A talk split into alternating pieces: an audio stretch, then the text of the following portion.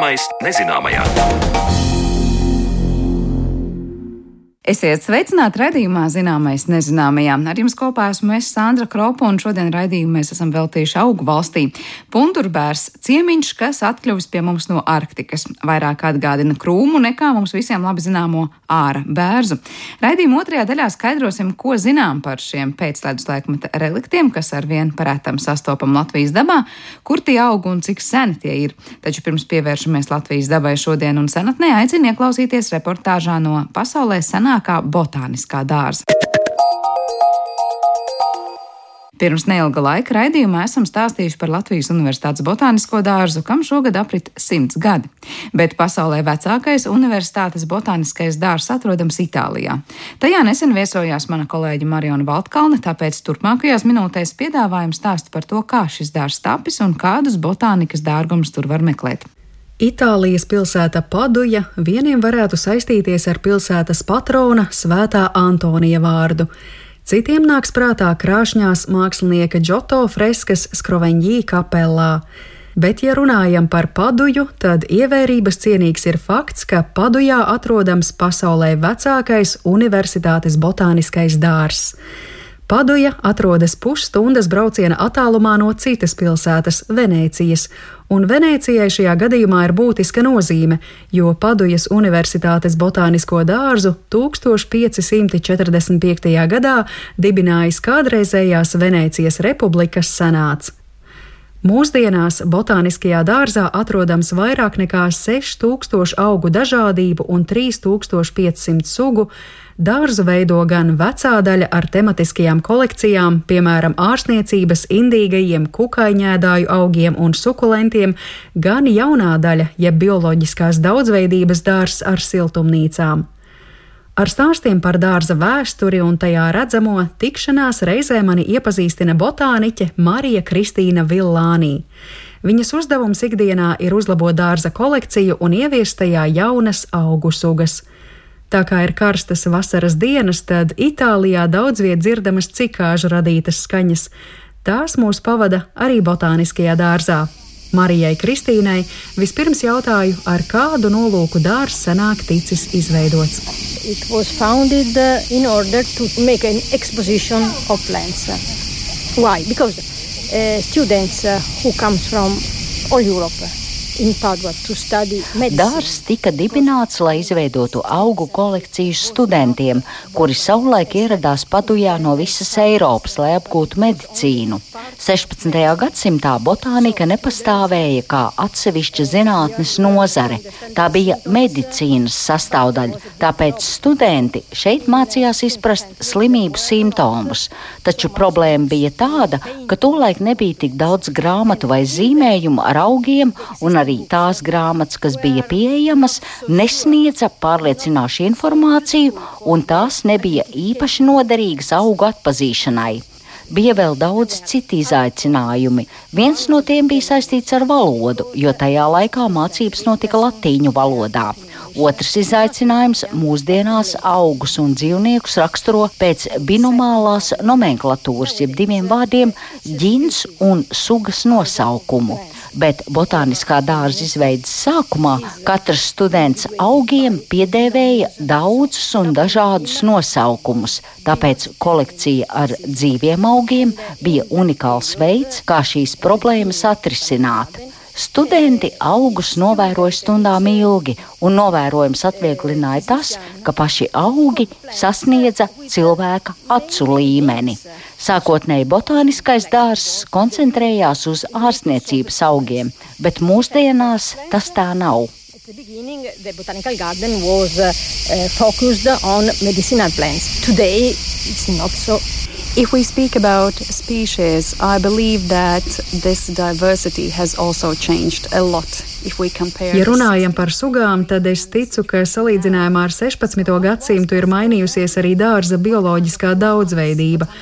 Kādi augi bija sastopami botāniskajā dārzā toreiz, un pašlaik jums droši vien ir augi no visas pasaules, vai ne?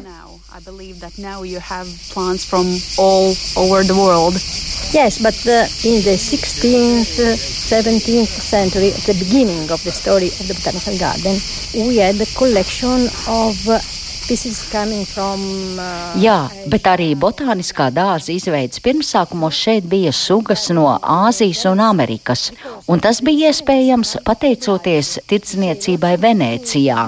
Lieta tāda, ka Venēcijas republika jūrniekiem uzdeva par pienākumu atvest jaunas augu un dzīvnieku sugas, kad viņi cits ar citu satikās ceļojumu laikā. Tādējādi daudzas sugas tika atgādātas uz Venēciju, un tad no Venēcijas tās tika pārvietotas uz Padujas botānisko dārzu. Šeit augi aprada ar klimatu, tie tika pētīti, kultivēti un pārdoti. Tāpēc jau sākotnēji šeit ir bijušas agāves, robīnijas, kartupeļu pupiņas un citi augi, kas tagad ir plaši pazīstami, bet sākotnēji paduja bija vienīgā vieta Itālijā un atsevišķos gadījumos visā Eiropā, kur šie augi bija nopērkami. Un ir vēl kāds būtisks aspekts. Daudzi no šiem augiem bija garšvielas, kas ārpus botāniskā dārza bija ļoti dārgas, un bija vietas, kur cilvēki pārdeva viltojumus, piemēram, uzdodot kaut ko par pipariem, kas patiesībā nebija pipari. Botāniskais dārzs tā bija garantija īstām garšvielām un kvalitātei. Sanāk, botāniskā dārza direktori savu amatu saglabāja visu mūžu. Viņa bija nozīmīgi botāniķi, kuri ceļoja pa pasauli, lai atrastu kolekcijai jaunas sugas. Padujas botāniskā dārza centrālā ēka savulaik bijusi direktora mājvieta, un ēkai bijis privāts dārzs ar skaistiem kokiem, taču direktors Giovanni Marsīlī 18. gadsimtā savu privāto dārzu atdevis kā dāvanu botāniskajam dārzam, tādējādi notikusi pirmā lielā botāniskā dārza paplašināšanās bet par nozīmīgāko uzskatāma paplašināšanās 2014. gadā, kad piebūvēts bioloģiskās daudzveidības dārzs ar jaunām kolekcijām. Padujas botāniskais dārzs iekļauts UNESCO pasaules mantojuma vietu sarakstā. Tas tiek uzskatīts par botānikas šūpuli un visu botānisko dārzu māti, jo tas izmantots kā paraugs citiem Eiropas botāniskajiem dārziem un ir bijis ārkārtīgi nozīmīgs zinātnes attīstībā taču vienlaikus tas uzliek saistības. So, for example, the, the shape of the botanical garden has a, an historical importance, so it must remain even in the future.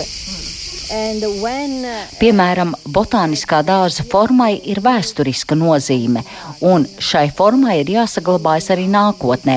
Un kad mums radās doma par jaunām, modernām siltumnīcām, Tā kontrastēja ar nepieciešamību uzturēt un saglabāt dārza formu un ainavu. Šī problēma tika atrisināta pateicoties kokiem, jo botāniskā dārza vecā un jaunā daļa nesaskaras. Tās fiziski viena no otras ir nodalītas. They are completely separated, even physically bet tālāk dodamies pastaigā pa dārzu un sākam ar tā veco daļu. Botāniķe mani vispirms ved pie gandrīz trīs gadsimtus veca ginka jeb ginko biloba. And it's a particular plant because usually ginkgo biloba has only one sex. I mean, there are male plants and female plants. This is a bisexual plant. Oh. Un šis ir īpašs koks ar abu veidu dzimumiem. Koka labā puse ir vīrišķā, bet kreisā sievišķā, jo sievišķais zars ir ticis piepotēts klāt vīrišķai pusē. Droši vien tāpēc, lai apaugļošanos padarītu vienkāršāku. Tā ir ļoti sena suga. No ģenētikas viedokļa gings ir līdzīgs skujkokiem, piemēram, eglei vai priedei, bet evolūcijā par noteicošajiem kļuva ziedaugi, tāpēc ginku var uzskatīt par sava veida fosīliju, jo senatnē ginku ģintī bija daudz sugu, bet mūsdienās ir saglabājusies tikai viena suga - ginko biloba. Gings ir nozīmīgs arī farmācijā. Pētījumi liecina, ka tam ir sastāvdaļas, kas ārstē neirodeģeneratīvas slimības, piemēram, Parkinsona vai Alzheimera slimību. Tātad, kā sena suga, tā ir nozīmīga arī mūsdienās.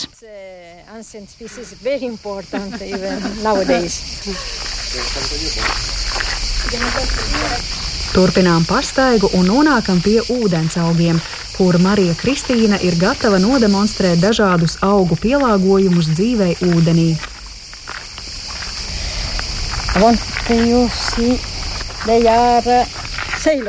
Tas, ko jūs redzat, ir tā saucamie jūrnieki, jo šie augi nav iestādīti. Parasti ūdens transportē augus, un tie peld pateicoties šai daļai. Iekšpusē tam ir sūklis. Jā. Ak tā, principā sūklis ir stumbra iekšpusē, vai ne? Nu pat demonstrētā ir Dienvidamerikā sastopamā resnkātu ūdens hiacinte. Pēc tam Marija Kristīna rāda vēl kādu augu - ūdens salātus, kas var peldēt pateicoties samtainiem matiņiem. Šie matiņi noklāja augu, neļauj tam samirkt, un augs var pacelties ūdens virspusē. Bet blakus daudzveidīgajiem ūdensaugiem atrodams īsts dārgums pundura palma, kas šeit vairāk pazīstama ar nosaukumu Gētes palma. Šis ir pašlaik vecākais augs Padujas botāniskajā dārzā no 1585. gada, un ne bez pamata tas saistīts ar vācu dzinieka Johana Wolfganga Gētes vārdu. And it's called uh, Goethe's palm because it inspired uh, Goethe when To dēvē par gētas palmu, jo tā iedvesmoja gēti, kad viņš viesojās Itālijā, Padujas botāniskajā dārzā. Gēte novēroja, ka auga lapas pie pamatnes formas ziņā atšķiras no augstāk esošajām lapām. Dzīves laikā lapas maina formu, tā tad notiek metamorfoze, un šo novērojumu rezultātā Geite sarakstīja zinātnisko darbu Augu metamorfoze. Padujā atrodamā palma ir 15 metrus augsta, bet dabā tā tik liela neizauga. Var gadīties, ka ar laiku gētas palmai būs nepieciešama jauna māja, jo palma izaugs vēl lielāka. Gan pie botāniskā dārza vārtiem, gan citviet saulē gozējas daudzi, jo daudzi kaktusi. Savukārt ēnā meklējama austrumu platāna, iespaidīgs koks ar platām lapām un kamuflāžai līdzīgo rakstu mizā bet šo platānu īpašu padara arī lielais caurums tās vidū, tikai nav gan pilnībā skaidrs, kāpēc tas izveidojies. Iespējams no zibens trieciena, bet varbūt no sēnīšu slimības, kas izēdusi platānas viduci. Un vēl Padujas botāniskajā dārzā atrodama Eiropas vecākā magnolija. Izejot cauri koku stāviem, kuri patiešām ļoti meistarīgi atdala botāniskā dārza veco un jauno daļu, Mūsu acu priekšā paveras svētās Justīnas bazilika un jaunās, modernās siltumnīcas. Izstaigājot šīs ēkas, var apceļot pasauli, jo tās ved cauri tropu, subtropu, mērenā klimata, vidusjūras un tūkstnešu zonām.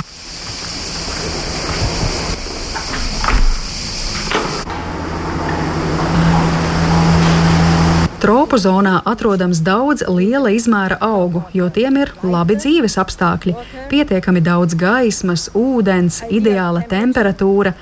Taču augi arī ātri pieņemas izmēros, tāpēc tos nepieciešams apgriezt. Tāpat tropus raksturo tas, ka tajos nav gada laiku maiņas, ir pastāvīga vasara, tāpēc augļus augi dāvā visu cauru gadu, un tāda ir arī šeit atrodamā papāja. Turpat tūmā krāšņā helikonija, kas tik ļoti atgādina putna knābi.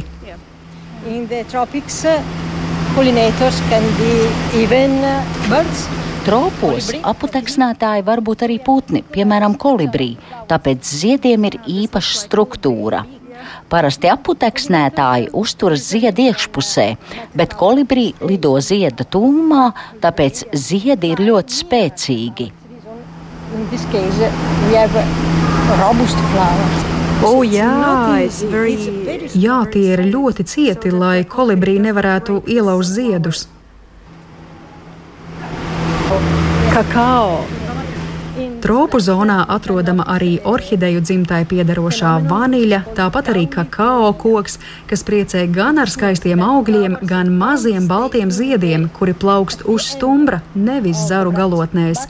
Šo parādību sauc par kaulifloriju, un ziedu izvietojums uz stumbra palīdz tiem pasargāties no vēja.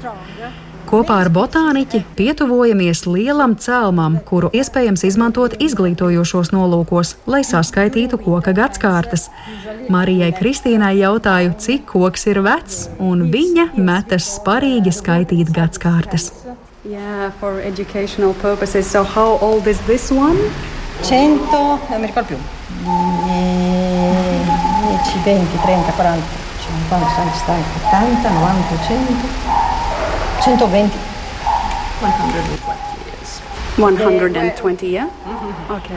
120 gadi. Jā, aptuveni. Sākot ar koka vidusdaļu, mēs varam iegūt priekšstatu par klimatu katrā konkrētajā gadā, jo parasti koki veido vienu gadsimtu gadā. Taču var veidoties viltus gadsimtas. Piemēram, ja kokam uzbrūk kukaiņi, kas iznīcina lapas, koks neiet bojā, taču veido jaunas lapas, Tādējādi šajā gadā rodas divas gadsimtas. Dendrochronologs var pateikt, vai konkrētas gadsimtas ir īstas vai viltus, jo īstās gadsimtas ir regulāras un nepārtrauktas salīdzinājumā ar viltus gadsimtām. Visbeidzot, esam nonākušas tūkstneša augu zonā. Tūkstnesis augiem ir izaicinājums. Apu teksnētāju ir maz, un augi veido krāšņus vai lielus ziedus, lai apu teksnētāji tos pamanītu. For example, lithops is very little, but the flowers are bigger than the plants. and with the red, orange, yellow. Piemēram, litopsis.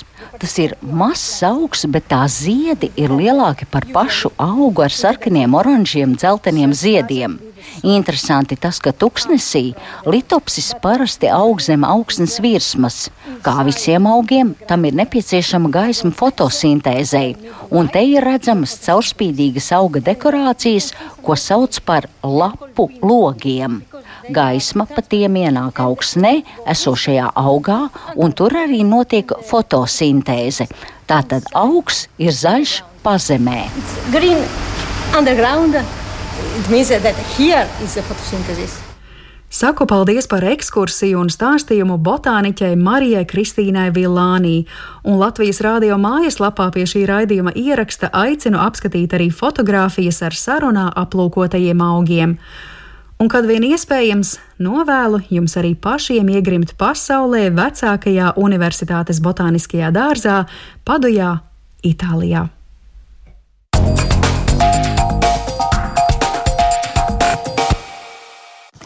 Dzirdējām Marijas Baltkalnas reportāžu no Padujas botāniskā dārza, kurš var lepoties ne tikai ar senu vēsturi, bet arī kalpojas par iedvesmu citiem Eiropas botāniskiem dārziem.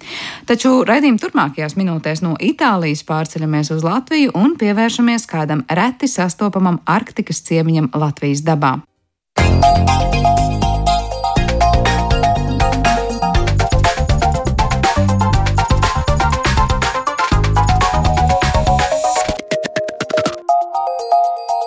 Zināmais nezināmajā.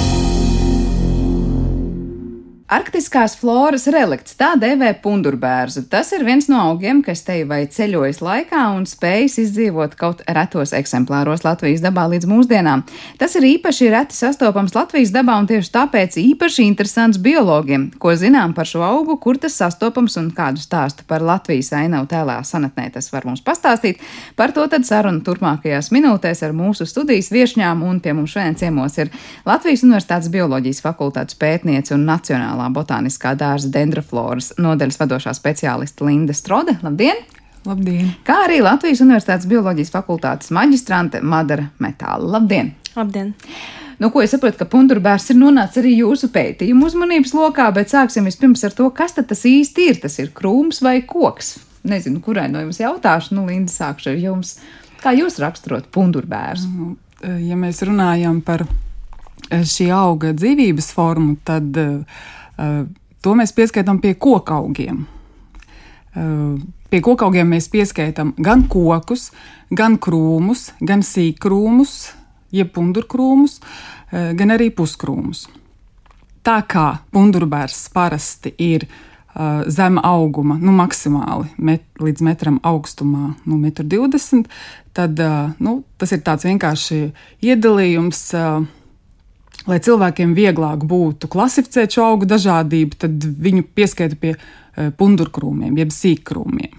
Jo ar krūmiem mēs parasti saprotam nu, krūmus metrs līdz 3, 4, pat 5 metru augstumā. Tā kā mēs ne tikai saucam par bērnu, to, kas būtu pat krūmu kategorijā, tāds sīkākais. jā, jā. Bet kā ar to platumu un to, to zaru veidošanās, es nezinu, to, to, to formu? Nu, Punturbērs šai ziņā ir ļoti, ļoti interesants objekts aizraujošs, um, noslēpumains, nesaprotams un tāpēc arī interesants. Uzreiz nevar saprast, uh, kā viņš aug. Jā, gan, gan mums pētniekiem ir interesanti saprast šī auga bioloģiju, un lai viņam tā kā tiktu klāt vairāk, jā, nu, tur ir diezgan daudz izaicinājumu. Bet eh, cik daudz pētnieki ir sapratuši, ko ir sapratuši par to, kā pundurbērs aug? Nu, tas ir diezgan interesanti. Gan purvā, gan purvainā mežā tā augšana atšķirās, jo ir dažādi apstākļi. Un tad uh, purvā, nu, ieejot purvā, ejot, tu redzi, nu, no, sākot no 20 centimetriem un līdz šim metram pat mazāk, jo nu, purvā viņi ir diezgan mazāk. Tu ieraugi viņu, šos zarus ar lapiņām mazām, un tad, kad tu sāc rakt, lai viņus ievāktu, izcēl šo svagnu kārtu, jau kūdrā, jau rocies iekšā, un ir iespējams viņus līdz pat uh, trīs metriem ievākt garus zem zemes, tātad zem, zem, trīs metru, bet tā ir tā kā jā. sakņu sistēma, vai tas ir kā kas zem tās? Uh, tie ir gan, gan, gan pazemes dzinumi, stumbri, zari. Gan saknes. Tad patiesībā tā ir tāda tiešām aizberga mazā jā, daļa, ko jā, mēs redzam. Jā, jo tas, ko mēs parasti redzam, tajās augtenēs, kur aug pundurbērs, vienmēr būs sfagni. Sūnu klājumu veido lielākoties dažādas sfagnu sugas. Un parasti kompānijā ar pundurbērs aug citi sīkrūmi. Tas ir vaivariņš, varbūt arī andromedas, zilenes, virši kādreiz, bet nu, virši var, drusku mazāk, viņi vairāk tāds sausāks apstākļus mīl. Uh, jā, un šiem augiem, viņi, lielākā daļa no šiem augiem ir tādi, kam ir tā saucamā klonālā augšana. Viņi, uh, vai, viņi ļoti grūti izšķirt, kur viņam ir tur tas sakņu kakls, un kur ir zari, un kur tas viens augsts. Protams, kur beidzas. Viņi, viņi savijušies vairāk. Ja? Jā, viņi savijušies. Viens tas augsts veido ļoti daudz sānu dzinumus, vijās, vijās tālāk un ieņem kaut kādas brīvās uh, vietas uh, tajā augu klājienā. Bet tas, kas ir tajā neredzamajā daļā, tad sanāk tie zari, tie būs tādi, nu, bez lapām es pieņemu, un tādi, nu, kas Jā. vairāk atgādina saknes vai nokautušas zarus. Kā tas izskatās? Nu, tie zari ir tādi nu, lapas viņiem vairs nebūs jau, un viņi ir tādi diezgan zemi, jo viņus nospieduši ir šie svagni, un viņi ir pārsvarā ar mizu, un, nu, nekas cits tur īsti vairs nav palicis, jo apakšējās daļas, kas ir vēl dziļāk un, un tālāk, tās jau vispār ir sākušas satrūdēt. Un... Bet kāda ir funkcija šām daļām? Tāpēc, ka es iedomājos, nu ne jau velti bērns, šis pundurbērs tā aug, ne jau velti tas ir, nav tā, ka bērns ir cerējis, ka tur nu būs lapas un tad visas tās garās dzinumas viņš dzen zem, zem šiem svagniem. Tā ir kaut kāda cita vēl funkcija, es nezinu, kaut kāda parības vielu pārvades funkcija vai kaut kāda balsta, es nezinu, iedomājos. Gan, gan viss, ko jūs pieminējāt, jā, jo, nu, kā jau purva un šo purvaino. Un, tun, un purvaino mežu un tundras vegetācijā. Tas ir gadsimtiem, gadsimtiem ilgs process, kā veidojušies šī, šī, šī vegetācija, ja, šie augi, kā viņi tur aug. Viņi, kā jau iepriekš minēju, lielākā daļa šo augu ir uh, klonāla rakstura, šī augšana viņiem ir. Viņi, tas nozīmē, ka viņi vegetatīvi lielākoties vienkārši ar dzinumiem, ar zariem, aug un aug un aug un aug. Bet tad vajadzētu būt tādām pundurbērzu, nu, es nezinu, audzēm vienmēr blakus, jā, vai mums ir iespējams būt tāds, es nezinu, viens pundurbērs purvu vidū. Tā arī ir. Tā arī ir. Un, ja, piemēram, mums bija ļoti interesants pētījums sadarbībā ar ģenētiķiem, eh, kur mēs mēģinājām noskaidrot uh, pundurbērza šo, šīs atradnes ģenētisko struktūru, šo individu ģenētisko struktūru. Tas nozīmē, ko, kas ir kam radinieks? E, jā, vai, vai tur ir šajā te. E, pieņemsim, nezinu, 20 reizes 20 metri, vai ir pat dažas atradnes, kur ir tikai kādi 5-6 kvadrātmetri šī audzīte. Jā? Tur kaut kur pēkšņi tur vainā meža, tur tādā uh, uzkalniņā, ja tur tādā nu, auguriņā ir pēkšņi daži zari pundurbērza. Nu, tur diezgan skaidrs, ka tur ir viens augs, bet nu, arī apgalvot to nevar. Bet, piemēram, ir mums viena atradne izpētīta apmēram 5-6 metru platumā un 40 metru garumā. Šis pundurbērs ir sastopams gar ezera malu un purvainā meža malu. Un noskaidrojās, ka tas ir ģenētiski viens individs. Man bija ļoti. sanāk, tas, viens eh, bērns būtu 40 metru, metru garumā. Jā, jā, tas nozīmē, ka tur viņš gadsimtiem, gadsimtiem augot, šādi te ir, ir, ir, ir, ir izplatījies. Jā, mēs vienmēr sakām, neskati pundurbērns pēc izmēra, vai ne? Jo pundurbērs tiešām liekas, nu, tādi maži, ne, mazi necili, vienmēr pārsteigums patiesībā gana veci. Jā, bet es domāju, ka 40 metrīgs eh, būtu. Nu, Jā, tas ir tas, jā, kas ir redzams virs šiem svagniem. Tas nozīmē, ka nu, jau vairākus gadsimtus senā vēsturē viņš ir. Iespējams, tur ir bijuši vairāki individi un saglabājies šis viens, jo tā notiek dabā, kad izdzīvo. Jo šeit viņam nav optimums, šeit ir mums uz areāla robežas, viņš jūtas tā. Nevisai, nav, nav, nevisai komfortabli, viņam ir jāizdzīvo. Viņam, teiksim, ir lielāka, nu, tā kā vairāk jācīnās par savu izdzīvošanu nekā, piemēram, Ziemeļgaunijā vai Skandināvijā.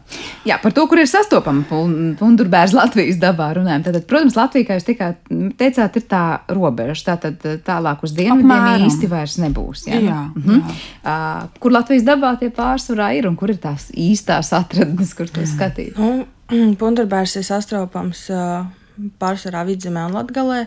Zemgalē kādreiz ir bijušas atradnes. Jā, ir sēlijā arī vēl. Jā. Jā. Un uz rietumiem mm, viss tālāk atradne ir uh, cenas tīrelis. Jā, un, ā, un tad jau viņš tālāk augšā uz uh, tundru aug. Teiksim, Igaunijā pundurbērs ir ā, ļoti atšķirīgs no Latvijas pundurbērza. Tas ir ļoti, ļoti bieži sastopams. Ja Latvijā šī ir reta aizsargājuma suga, tad Igaunijā tā ir pieejama bezmaz vai katra stūrī. Uh, bet Latvijas dabā tie būs purvi, kuros būtu jāskatās, vai ne tikai kuras ir tās vietas, kurās. Ā, Purvi, purvainie meži, ā, daži pārējais purvi, jā. Bet ā, tā ir, tās ir tās vietas, kur viņš šobrīd arī aug un, un, un cik Linda ir apsakojusi atradnes, tad iespējams arī samazinās, par cik ir areāla robeža, un tad ir jāsāk šie pētījumi veikt un, un jāsaprot, teiksim, kā viņš aug. Vai viņš pazudīs vispār no šejienes, un, jo tālāk Lietuvā ir tikai dažas punktu veida atradnes. Un tad nu, šī ir tā tiešām tā maliņa, kur viņš vēl ir, bet iespējams drīz vairs nebūs. Cik apdraudēts jā, ir šis pundurbērs, jo es saprotu, ka meliorācija un kūdras ieguva ir tās divas jomas, kas ļoti ietekmē to, kur var augt un kā var augt pundurbērs. Kā šobrīd tas jūtas Latvijas dabā un kāds ir tas apjoms, kādā mēs to zaudējam? Nu, jā, tā tad uh, lielākie draudi pundurbērza nu, izdzīvošanai Latvijā ir bijuši, tā, kā jau jūs minējāt, šī kūdras ieguve. Purvu norakšana un, un, un mežu, purvaino mežu, slapjo mežu meliorācija. Um, kūdras ieguves rezultātā, tur, kur tiešām ar frēzēšanas metodēm ir iegūta kūdra, eh, šīs atradnes ir fiziski iznīcinātas, bijušas. Ja? Tad tie ir lielākoties nu, pagājušā gadsimta, sākot no 50. gadiem. Nu, tad, kad ieviesa šīs te rūpnieciski šo kūdras iegūšanu, kad nerak vairs ar rokām, bet, bet lielos kūdras laukus ierīkoja. Uh, un, un purvaino meža nosusināšana uh, arī dzen ir uh, mm, vienlīdz, vienlīdz liels drauds, jo nosusināšanas rezultātā labāk sākt, au, sāk augt. Var teikt, visi augi, kas šajā mežā atrodas, lielākoties tās ir tātad priedes, koku augu stāvs, koku stāvs un, un arī sīkrums stāvs. Un pundurbērs nav konkurētspējīgs ainēnos apstākļos. Un tas ir galvenais drauds. Viņam ir nepieciešama gaisma, un eh, purvainos mežus nosusinot, eh, šis gaismas režīms krasi izmainās. Un pundurbērs vienkārši pamazām, pamazām iznīkst. Bet šobrīd es saprotu, tas ir sarkanajā grāmatā. Ko tas tālāk nozīmē? Vai tam ir pietiekošs šis te, nu, nezinu, aizsardzībai likumīgais spēks, kas pasaka tajās un tajās teritorijās, jau pundurbērs mēs tur neiegūstam kūdru vai nenosusinām konkrētu teritoriju. Jā, jā. Nu, tas būtu, nu, tā būtu tā nu, visdroša, visdrošākā aizsardzība. Bet tā, tā, tā strādā šobrīd eh? Apmēram es varu teikt, eh, apkopojot atradnes un atradņu lielumu, var teikt, ka apmēram trešā daļa Latvijas populācijas atrodas īpaši aizsargājumās debes teritorijās. Nu, tur mēs varētu cerēt, ka, ka diezgan droši tā, tā, tā viņa saglabāšanās. Bet tā ir viena trešā daļa. Tā ir apmēram viena trešā, jā. Nu, pārējās ir tā, ka nu, būtībā pats pats svarīgākais būtu jā, neizmainīt šo mitruma režīmu augtenē, saglabāt to biotopu pēc iespējas dabiskāku, cik jau nu, tas ir iespējams. Jā, jo, jo, jo saglabājot biotopu, atradas saglabāsies, suga saglabāsies. Nu, atliek cerēt, ka tas notiks vairāk nekā tajā vienā trešdaļā gadījumā, lai gan, protams, ja tās divas trešdaļas nav šobrīd pasargātas, laikam tur ir nu, diezgan liels risks, ka tos pundurbērus mēs varētu tajās atradnēs pazaudēt. Risks pastāv, jā, jo atradnes ir liela daļa ļoti nelielas. Tas ir 15 reizes 15, 20 reizes 30 metri un viss. ļoti, ļoti neliels. Kā šajās nelielajās atradnēs pundurbērs nu, sadzīvo kopā ar tiem pārējiem, nezinu, augiem, elementiem, dzīvniekiem, kas varbūt staigā apkārt? Kāda ir tā nu, kopējā miedarbība ar citu dzīvo dabu? Kam viņš ir īpaši vajadzīgs? Es saku apzināti viņš, domājot jau, jau personificēt. Jā, nu, um, tad, tad raksturojot to nu, man arī jau iepriekš minēja, tad, tad ja mēs eh, raksturojam šīs te eh, augtenes, ja, tie ir, eh, kā mēs viņus varētu tā klasificēt, ir purvi, tad augstie purvi, tie saucamie, nu, kur ir dzērvenes, cilvēkiem vieglāk saprast, nu, lielie, lielie augstie purvi ar svagniem, kur parasti ir mazas priedītes vai pavisam citreiz priedīšu nav. Um, ir pārējais purvi, tie ir tādi nedaudz mitrāki, arī izlīdzinātāki mitruma režīmi, slapjāki, izlīdzinātāks slapjums. Ja augstajos purvos, teiksim, pavasaros ir rudenos ļoti slapjš, tad vasarā mēdz būt arī ļoti sauss. Tā, tieši tā paša purva virskārta. Um, un tad, nu, pa, kā jau minēju, pārējais purvos. Tur viņš, tur tā auga kompānija nedaudz savādāka, arī tā visa vegetācija ir savādāka, tāpēc nevēlt viņus dala šos purvus. Uh, Un, un purvainie meži tas ir trešais biotopu tips, kur pundurbārs Latvijā ir sastopams. Tie ir tādi uh, uz kūdras augsnēm ar sfagnu sūnām, uh, tādi skraji, saulaini meži ar priedi koku stāvā. Koku stāvā pārsvarēja priedi. Ļoti, ļoti reti šur un tur ir pa kādam vēl citam koku sugam. Bet mēs varam teikt, ka pundurbērzam ir kaut kāda nu, īpašā niša, vai es nezinu, ir kāda konkrēta augu sabiedrība, kurai tas ir ļoti vajadzīgs, vai es nezinu, to trīsmetrīgie zari zem svagniem varbūt ir savukārt kaut kāds. Nu, nezinu, svarīgs aspekts, režģis. Es nezinu, kādam citam augam, pie kura pieturēties un ap kuru sadarboties. Nu, es, es tā neteiktu, ka viņš auga teiksim, tā, vietās, kur viņš spēja augt, kur viņam nav ar citiem augiem liela konkurence.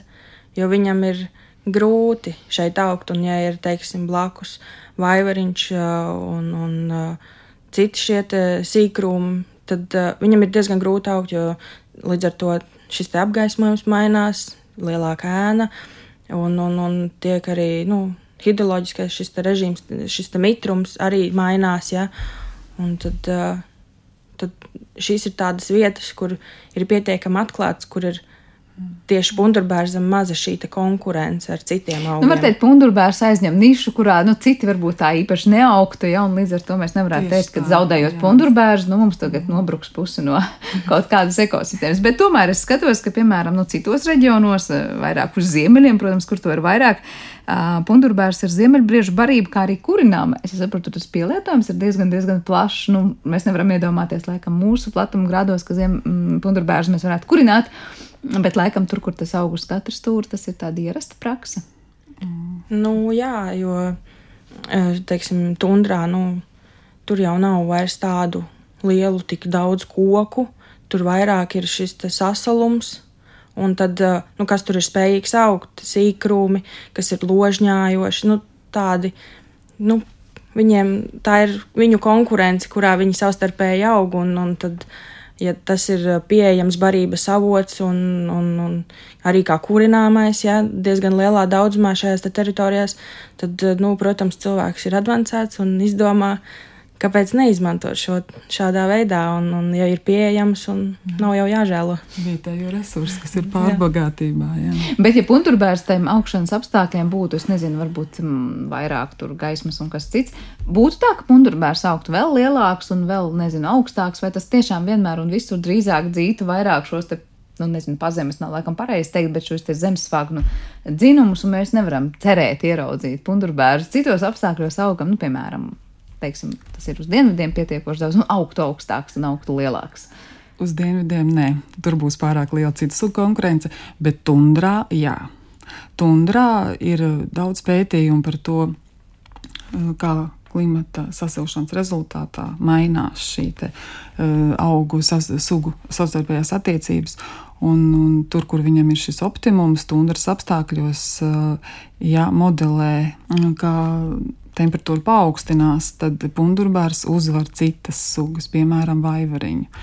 Jo, jo, jo tajos optimuma apstākļos viņam ir ļoti liela tā pielāgošanās spēja, tā plasticitāte, tā augšanas, un, un viņš pārņem virsroku tajos apstākļos, ko nevarētu teikt par par Latvijas uh, populācijām, jo šeit ir citas augu sugas, kas ienāk, sas, nu, teiksim, uh, pasiltinoties apstākļiem, augtenē pasiltinoties vai gaismas apstākļiem.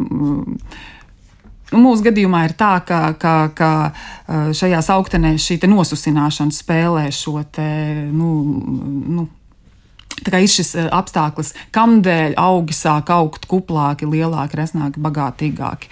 Un šīs sugas nav tur savukārt ziemeļos.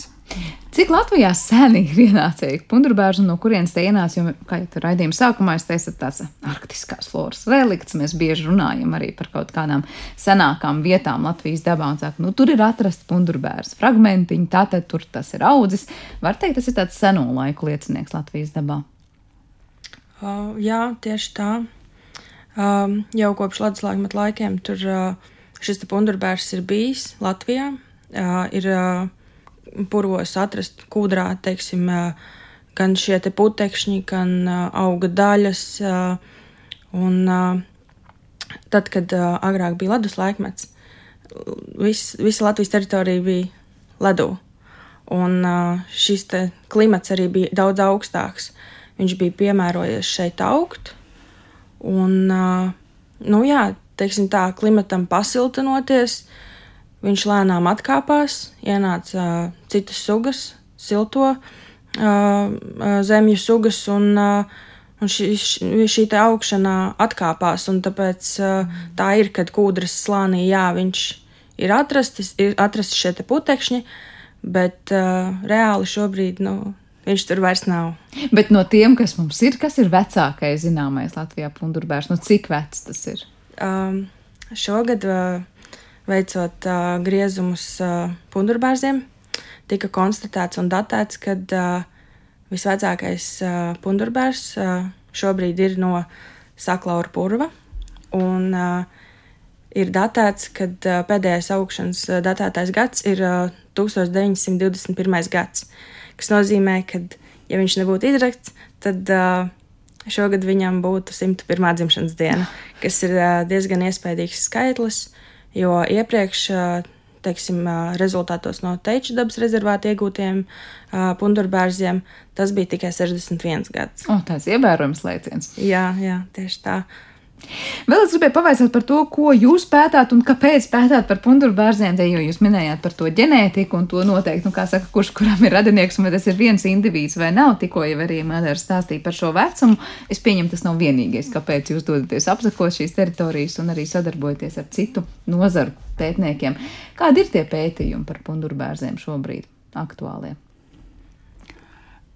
nu, nu, tas ir Vai tā varētu vispārīgi teikt? Droši vien, ka nē. Parasti jau ir tā, ka katru pētnieku, kas, kas interesē katru pētnieku individuāli, un tad, tad, tad rozās pa galvu daudz idejas. Un, tad beigās, kamēr tiek līdz tam mērķim un, un, un, un reāli kā to visu, ko, visu, ko iesākt, ar ko sākt un kādas paraugus ievākt un ko tad mēs beigās varam iegūt, eh, tad nu, ir tā, ka mani, nu, strādājot jau, nu, jau vairākus gadus ar, ar vispār ar kokaugiem, mans papana darbs ir jau sen saistīts ar, ar kokiem un krūmiem. Un, um, un, un, flora vienmēr ir interesējusi, nu, tad tas tā viss nonāca līdz, līdz Latvijas koku gretajām sugām. Nu, tad, lai, lai kaut kādā veidā nu, kā izvēlētos, ko tad konkrētāk pētīt, nu, tad es nonācu līdz pundurbērzam. E, gan interesantai sugai, un jā, viņš ir interesants ar savus. Nu, savu specifiku, savu šo šauro nišu, savu šiem, kā jau tālākos pētījumos noskaidrots, cik viņam tomēr ir šaura šī ekoloģiskā niša, cik viņš ir tāds īpašs. Bet kas ir tie galvenie jautājumi, uz kuriem gribas atbildēt, vai kuri vēl ir neskaidri par to? Tā lielās līnijās, kas man interesē, jā, kā šī, kā šie augi, nu, Latvijas populācija jau uz areāla robežas, kā viņi jūtas un kāds ir viņu saglabāšanās potenciāls, atjaunošanās un saglabāšanās tālākas pastāvēšanas potenciāls. Kāds ir šī sugai, kā viņi vairojas. Vai viņi vairojas arī ar sēklām, vai viņi vairojas tikai vegetatīvi, un attiecīgi tad arī no tā izriet tālāk arī, jo tas šis sugas nākotne lielā mērā, jo, ja nespēja vairoties ģeneratīvi ar sēklām, tad viņš nevar tālāk nekur daudz izplatīties. Viņš var tikai, nu, Saglabāties aiz pašās vietās. Jā. jā, jā, nevar ieņemt jaunas kaut kādas teritorijas. Kaut, vai, kaut gan apstākļi būtu piemēroti, bet viņš nevar tur aizkļūt, jo nav ar ko. Bet tad, kad, piemēram, izmantoja, saprot, arī kā dekoratīvu augiem, pundurbērzu. Tad sanāk to iegūst kaut kā citādāk, es nezinu, mākslīgi izaudzē un noliek nu, jebkurā vietā? Dekoratīviem no, nolūkiem, dekoratīvā dārzkopībā viņu pavairo vegetatīvi. Viņam ir ļoti labs tas vegetatīvais pavairošanas potenciāls, un līdz ar to, jā, tādā ziņā pateicīga suga. Tikai jautājums ir par to tālāko likteni, vai mēs spējam dārzos un apstādījumos pie, piedāvāt šos apstākļus, kādos viņš labi jūtas un, un ir, ir gana dekoratīvs. Un tur es teiktu, ka nu, lielākā problēma visticamāk ir ar, ar mitruma apstākļiem, jo tomēr, tomēr, tomēr pundurbērs ir ļoti mitrus, slapju vietu indikators. Jā, tas nozīmē, ka viņš pacieš šos apstākļus, viņam arī vajadzīgi šie apstākļi. Šis mitrums lielais, ko mēs patiesībā. Tie nu, es cik es esmu novērojis, e, tad, tad, tad ne īpaši ilgspējīgi ir šie stādījumi, kur pundurbērs tiek izvēlēts. Tā jāreikinās, ja kādā dārzā teritorijā vēlties pundurbērs un dārs nav nu, gluži vai purvainā vietā, tad laikam cerēt, ka tas labi jutīsies un krietni augs, e, ir naiviem. Es neesmu tādas labas gadījumus pozitīvas redzējis, tāpēc arī jā, nevaru atbildēt apstiprinoši, ka, ka tas būtu ļoti perspektīvi. Mm -hmm. Uh, man ir par to pētījumu interesi runājot, pamazām jau noslēdzot mūsu sarunu. Kas ir tas interesantais, ko noteikti gribas par punduru bērzēm vēl uzzināt, vai varbūt ir vēl tas nu, nezināmais, nesaprotamais? Viss. Viss, jo, jo, teiksim tā, es pētu augšanas dinamiku, kā viņš aug, kā viņam ir klājies, teiksim, iepriekš, vai, teiksim, šī dinamika ir augšanas ir palielinājusies, samazinājusies, jo vispār ir interesanti pētīt sugas, kas ir uz areāla robežas, jo viņas aug savos limitos jau. Un, teiksim, turpmākā nākotnē, teiksim, salīdzināt šādu pašu pētījumu ar, teiksim, vairāk ziemeļos atrastiem pundurbērziem un salīdzināt, lai redzētu šīs atšķirības. Un, un Man liekas, tas ir vienkārši fantastiski uzzināt vispār kaut ko jaunu. Tas sanāk tā, kamēr mēs izpētām pundurbēžu Latvijas teritorijā, kas ir šī areāla robeža, jūs patiesībā varat pateikt, nu tās sugas vispār robežas, cik tālu un cik izturīgi, piemēram, tā augšana var būt tad, kad apstākļi ir pavisam gandrīz teju, teju nepiemērot, vai nu, cik tad tas pundurbērs vispār maksimumu no sevis var dabūt, tā var teikt vienkāršot. Nu, jā, tā arī būs. Bet Latvijā šobrīd mēs varam teikt, ka pundurbērs ir tāds nu, daudz maz izpētīta suga, vai drīzāk tur ir tā, ka ir bijuši kaut kādi atsevišķi pētījumi, bet kopā ir vēl gan, gan tāda nu, neskaidra un neieraudzīta. Vēl daudz darāmā pētniekiem ir.